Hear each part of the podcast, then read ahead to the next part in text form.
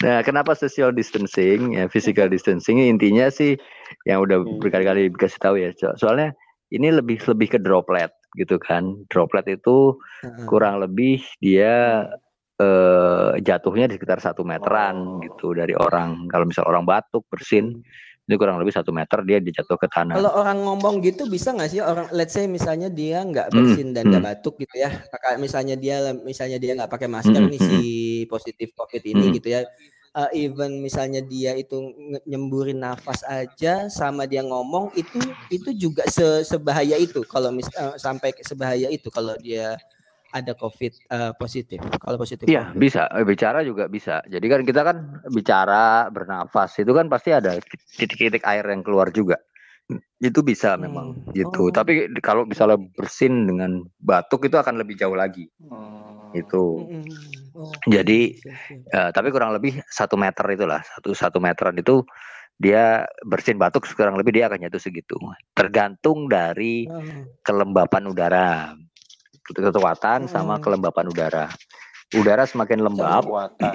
itu eh, jatuhnya droplet itu akan lebih dek- Hmm. le- lebih dekat gitu karena udara nggak bisa bergerak lebih bergerak Makin lebih dekat ya. efektif tidak jauh dia Hmm. gitu Oke, oke, oke. makanya kalau Sama angin, angin juga ngaruh nggak sih, yuk kalau misalnya lagi ada angin gede juga gitu kan, dia ngebantu hembusan si misalnya bersin terus ada angin gede Mm, tuh, mm, mm. meter gitu kan, pasti pasti heeh. sama angin gitu kan aerosolnya nyam, bener tuh. nyampe nyampe juga Kadang ya. Bisa, sih. tapi tapi mungkin tidak akan sejauh itu. Sampai saat ini belum ada bukti bahwa eh dia bisa ditularkan lewat aerosol. Kalau mau teori ada angin sebangun terus dia nyebar, mungkin mungkin sekali, tapi eh sampai saat ini sih belum ada bukti bahwa dia bisa airborne sejauh itu, gitu, Oke. gitu. Jangan Iya. sampai lah ya karena itu justru Kalau itu akan lebih mungkin ini kan Kasus akan jauh lebih besar mengkhawatirkan, lagi, eh, gitu. Hmm. Ya, dzalik. ya jangan sampai lah, mudah-mudahan. Ya dengan yang begitu Iya, aja kan betul. sekarang hampir Mm-mm. semua seluruh dunia aja kan kayak kebingungan kan. Dan kondisinya tuh udah kayak domino aja kan. Iya, memang nih. Enggak sama ini, sama bolak-balik kehidupan Jadi sih kan ya. Korea katanya kan udah udah tuh. lahir Nah, dan terus katanya batin. ada kasus baru lagi du- positif 200 orang 200-an Iya. orang. Hmm. Jadi karena si penerbangan tuh udah dibuka katanya Iya. Yo. Jadi balik lagi tuh orang-orang yang Korea di luar yang udah yang masih di tempat yang potensi Covid besar balik masuk ya jadi jadi istilahnya nularin Second lagi wave ya. Jadi balik lagi. Kayak kayak di Cina kan juga gitu. Jadi Cina tuh kan udah kapan awal April kemarin sudah dinyatakan tidak ada kasus baru kan. Nah, mereka sekarang lebih Mm-mm. khawatir kasus impor. Jadi orang dari luar masuk Iya, gitu. Nah, ya. itu bisa tuh, bisa terjadi memang. Eh Iya. intinya gitu nah Cina Korea Korea terutama ya Korea Taiwan eh, Singapura itu eh, mereka Mm-mm. Oh iya Singapura Singapura tuh juga tuh. eh, ya itu contoh-contoh negara yang yang F ininya apa namanya sistem kesehatannya yang bagus sekali dan ya. penanganan COVID-nya juga bagus. Jadi eh, mereka tadi itu pakai big data. Terus intinya adalah testingnya. Hmm. Ya, kembali lagi ke testing. Iya, Jadi mereka iya. testingnya banyak sekali, eh, masif gitu kan. Iya. Jadi yang ketahuan langsung diisolasi gitu. Jadi dia mencegah penyebaran Mm-mm. gitu. penyebaran iya Di langsung isolasi. pegang si yang Iya, positif ya mm-mm. jadinya kita langsung tahu ya si oh si ini yang Hmm. positif gitu Iya. Gitu. Kan mereka juga tidak menerapkan lockdown juga setahu setahu saya. Ya, apa namanya? Korea Selatan, Hmm. Singapura itu kan tidak tidak lockdown setahu saya. Oh enggak dong oh enggak lockdown ya Mereka social cuman distancing, social distancing, tapi mereka Kalau- tidak lockdown. Yang kalau disebut lockdown itu kan kayak Cina tuh, yang satu sendiri provinsi ya. orang nggak boleh masuk, nggak boleh keluar dari situ kan. eh ya kalau misalnya kalau misalnya vaksin udah ada informasi belum sih maksudnya Banyak eh, kapan ya. sih kita Vaksin, kalau Heeh, heeh. Oh iya tuh.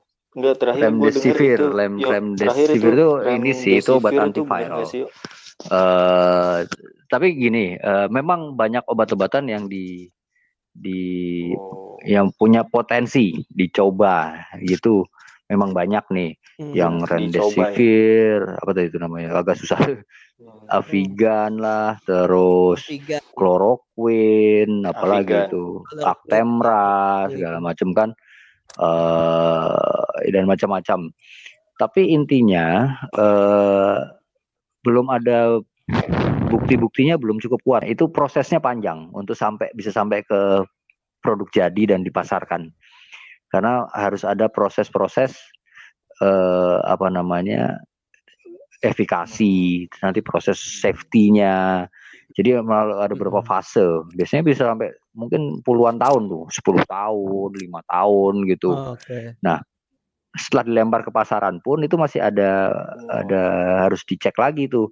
Ada trial lagi. Ini ini obat ada efek samping nggak nih di setelah dilempar ke masyarakat ya. gitu kan. Ya. Nah, itu makanya uh, dalam menciptakan vaksin dan obat dalam waktu secepat itu itu hampir nggak mungkin gitu vaksin kita harapkan ini ini aja udah sangat cepat nih tapi uh, yang paling cepat ini mungkin sampai di uh, tahun depan baru baru bisa uh, terjadi baru bisa dilempar ke pasaran itu udah cepet udah cepet banget tuh gitu nah Oh tahun depan ya, berarti udah ada udah uh, maksudnya kalau ya ada kemungkinan itu, masih, uh, itu paling cepat. Ada kemungkinan. Itu paling cepat. Oh. Itu pun Insya mungkin uh, tidak disebarluaskan langsung ini dulu gitu. Mungkin dicobakan dulu satu populasi satu populasi gitu. Hmm, gitu. Okay, Karena okay, memang tetap harus mengikuti standar ini kan, standar hmm. safety-nya kan itu uh, jadi itu itu oh, paling cepat masif ya yo ya jadi memang satu populasi dites dulu kalau emang udah oke okay, pindah lagi ke ini dan region juga ngaruh nggak sih yo Eropa dengan Asia maksudnya uh, urusan kayak begitu tuh bisa aja vaksin. ras gitu kan pengaruh Apa? ya uh -uh, hmm. ngaruh nggak sih itu? mungkin mungkin ngaruh uh, jadi tetap hmm, tetap okay. ini ya jadi uh, menurut ya pesan yang ingin gue sampaikan sebetulnya jangan terlalu berharap dulu lah untuk vaksin untuk saat ini karena paling cepat masih tahun depan.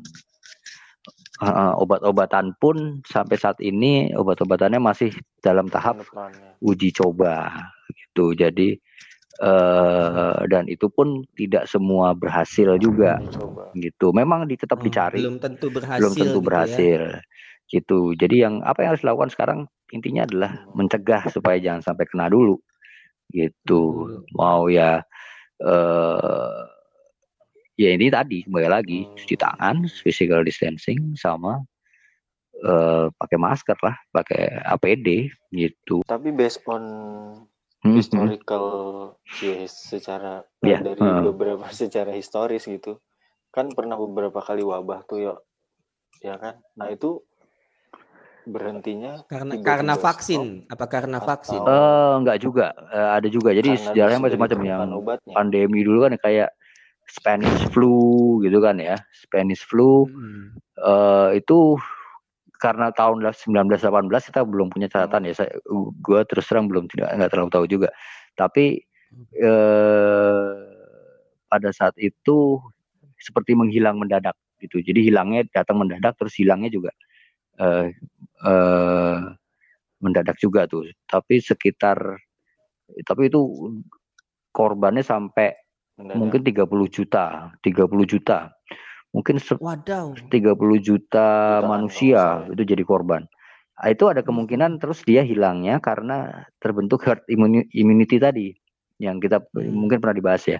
Oh iya iya uh, pernah kita posting di di grup tuh uh, apa herd immunity. Herd immunity. Jadi ketika orang-orang yang uh, punya uh, sudah sembuh, dia punya punya antibodi, jadi dia mencegah cukup banyak, jadi dia mencegah penyebaran penyakitnya. Tapi dengan hmm. dengan konsekuensi banyak orang harus meninggal dulu, gitu kan? Hmm. Gitu. Itu 30 juta setahu setahu Terus ada namanya di Inggris namanya Black Death. Black Death. Black Death itu uh, gue hitam gue. hitam gue. itu itu black aja. black Death ini eh, pes intinya penyakit pes. Oh, gitu. uh, oh pes. Pes, bubonic Dari plague. tikus ya Dari ya. Tikus. Ya, Sebetulnya bukan tikusnya, jadi masalah adalah uh, bakteri Yersinia pestis di kutu tikusnya. Itu ya dan dia kebetulan pindah Gila. dari kutunya tuh dari pindah dari tikus hmm. ke manusia. Terus dia terus dia ini apa namanya? uh, jadi manusia. penyakit itu gitu. Tapi intinya dia vektornya dari dari kutunya itu. Nah, ini hmm. berhubungan dengan kembali lagi hygiene gitu ya. Jadi nah, dia berisihan. Jadi ilmu kesehatan itu pasti oh, sangat sangkut paut gitu ya. dengan ilmu iya ilmu Hubungannya kebersihan lah, ilmu eh, ekonomi segala macam. Itu. Nah, hmm. dia mungkin hilang dengan uh, perbaikan dari uh, sistem drainase, sistem sistem sanitasi gitu. Oh, oh iya benar ngaruhnya ke situ. Uh -uh. Tikus urusan di situ itu.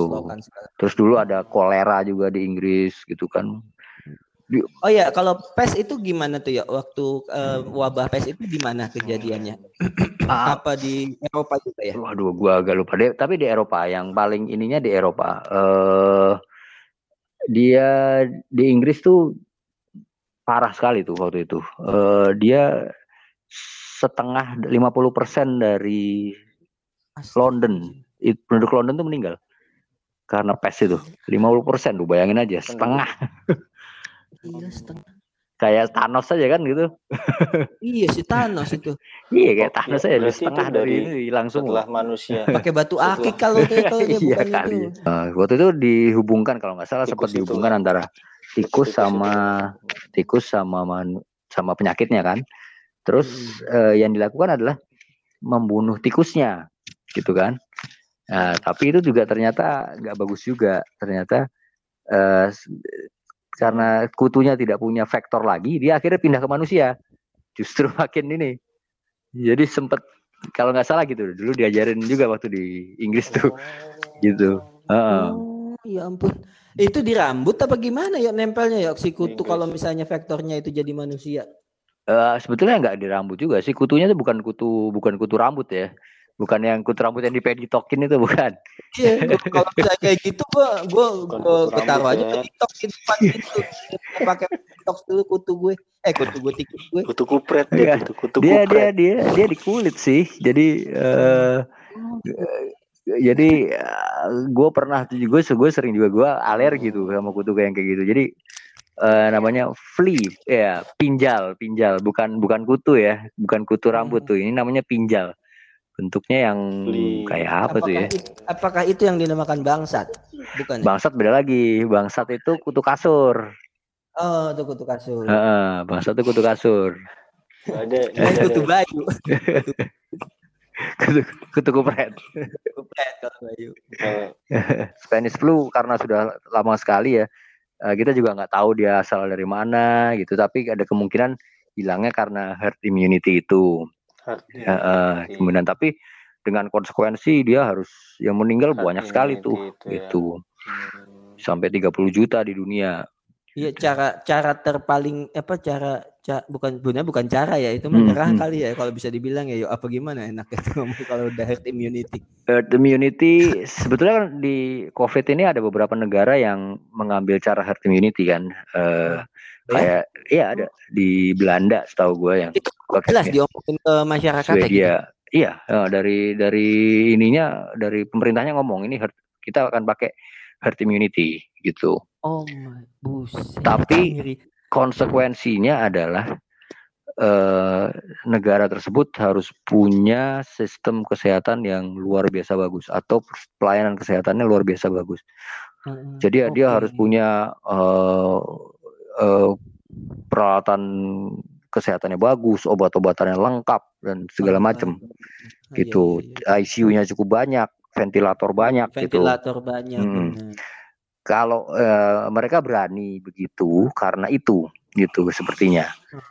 Sistem oh, kesehatan oh, yang baik itu kuat mumpuni. Walaupun itu juga masih sampai saat ini masih dipertanyakan. Mumpuni. Kan ini masih masih dilihat nanti ini mereka baru mulai baru mulai nih gitu kan. Uh, di Swedia aja setahu gue mereka pakai herd immunity tapi tingkat kematiannya juga cukup besar. Nah mereka tetap akan bertahan dengan itu atau enggak kita nggak tahu nih gitu. Oh oke, okay. jadi hmm. lihat juga eh, apa istilahnya uh, cek ombak juga ya istilahnya yeah. kalau misalnya mm -hmm. oh ini ternyata nggak nggak istilahnya apa apa death rated jadi Iya death rated ya mungkin itu gitu. Jadi ya ya inilah uh, ya kita hidup dalam sejarah nih bisa dibilang gitu kan. Ya, pengaruhnya emang besar sekali nih apa namanya. Tapi ya uh, uh, covid ini uh, memang beda. SARS dulu kan sepertinya uh, walaupun mirip-mirip uh, dengan covid ini cuman Indo sorry sorry uh, potong Indonesia ada nggak yang kena SARS Wah, gua ada ya? lupa ya? sih. Tapi Uh, lu main ada-ada aja lu belum cek Wikipedia. Uh, kayaknya, kayaknya kalaupun ada, ada dia uh, dia mungkin uh, impor ya atau maksudnya dia atau oh, orang Indonesia yang berada di luar negeri ya. Soalnya hmm. dia tidak keluar dari Hong Kong dan Cina kalau kalau nggak salah ya. Pokoknya sekitar dia nggak dia hanya uh, jadi dia hanya di situ aja. Makanya dia tidak jadi pandemi kan. Oh, itu. Hmm, iya. Uh, terus kayak flu burung, flu burung itu hmm. flu burung kan uh, untungnya dia tidak ditularkan dari manusia ke manusia gitu. Jadi ah. hanya burung ke manusia itu lalu apa namanya flu babi juga uh, dia tidak tidak sampai menyebabkan uh, pandemi uh, hanya di situ. uh, dari manusia ke, man ke manusia nggak dari manusia ke manusia yeah, jadinya uh, gitu ya dari si babi yeah. doang gitu ya. Jadi uh, kan itu mungkin SARS SARS dan lain-lain itu uh, dia uh, oke okay lah cukup mematikan gitu kan kalau tingkat tingkat kematiannya emang cukup tinggi kan dibanding MERS itu sekitar iya, 35 persen, SARS itu 10 persen, MERS itu 35, hmm. ada yang Hendra virus itu kan di di Australia nah, itu. Ini uh. menakjubkan iya. sekali. Ternyata itu nama tempat deh di di Australia itu ada namanya Hendra. iya, namanya Hendra.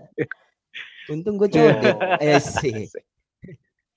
ya, ya, memang tapi itu mungkin tidak uh, apa ya dia walaupun death rate-nya tinggi tapi dia penyebarannya tidak efektif tidak seefektif covid ini.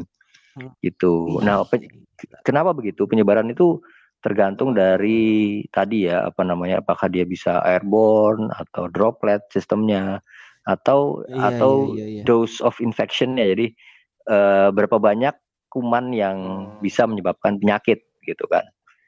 Nah, kadang mungkin COVID ini dia hanya perlu sedikit untuk bisa menyebabkan penyakit dibanding kalau SARS dia mungkin harus banyak gitu kan. Mm -mm. Itu ya itu beda-beda masing-masing.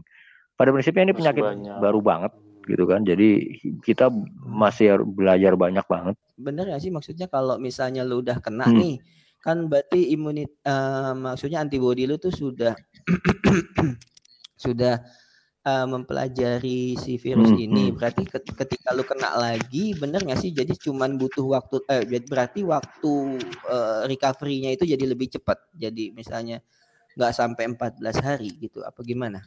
uh, apa belum bisa ditetapkan juga kayak gitu untuk si si corona ini? Uh, pada ya banyak yang ini tapi rata-rata gitu. Jadi ketika tubuh itu sudah uh, sudah tahu oh ini udah ini terus antibodinya udah keluar biasanya terus penyakitnya akan akan cepat hilangnya karena terus tubuh akan segera mematikan virusnya kan.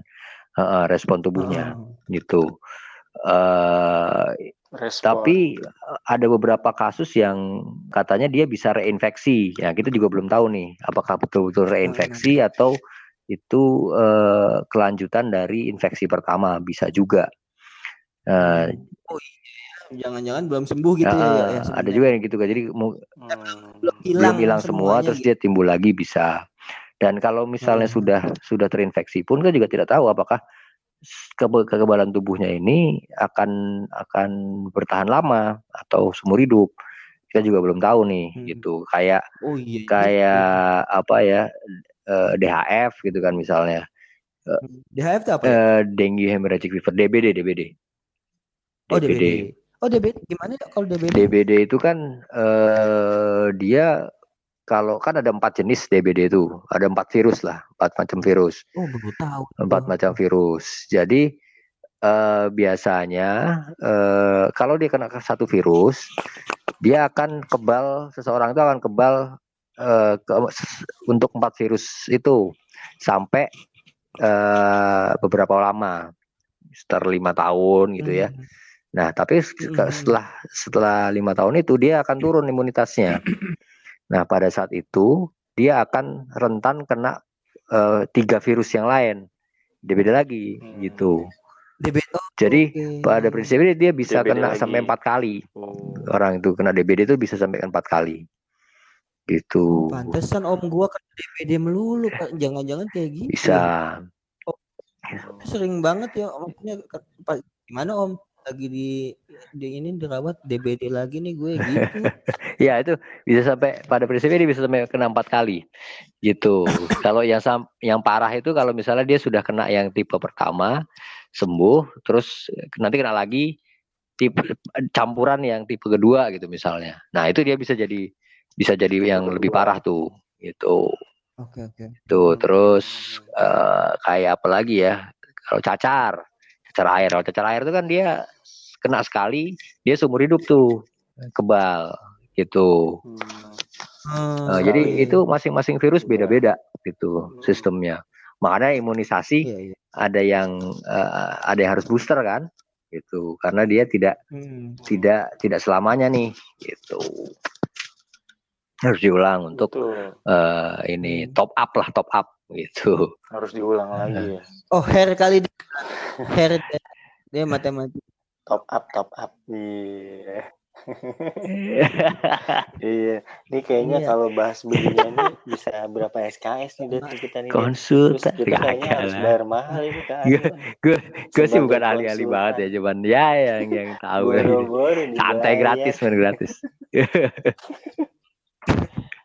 dengan kondisi yang ini kita jadi sadar oh kebersihan penting kesehatan itu penting bagaimana cara menjaga kesehatan. Dan nah, habis ini lu share deh Spotify eh apa podcast RTL ada polisi gak tapi? Grup RTL nanti ketahuan. Oh iya. Gak apa-apa. Jadi kan mereka tahu. Belum punya oh, SIM. iya, ternyata ternyata ada warga saya yang nggak punya SIM udah 40 tahun razianya di depan pintu gerbang gue gitu. Nah,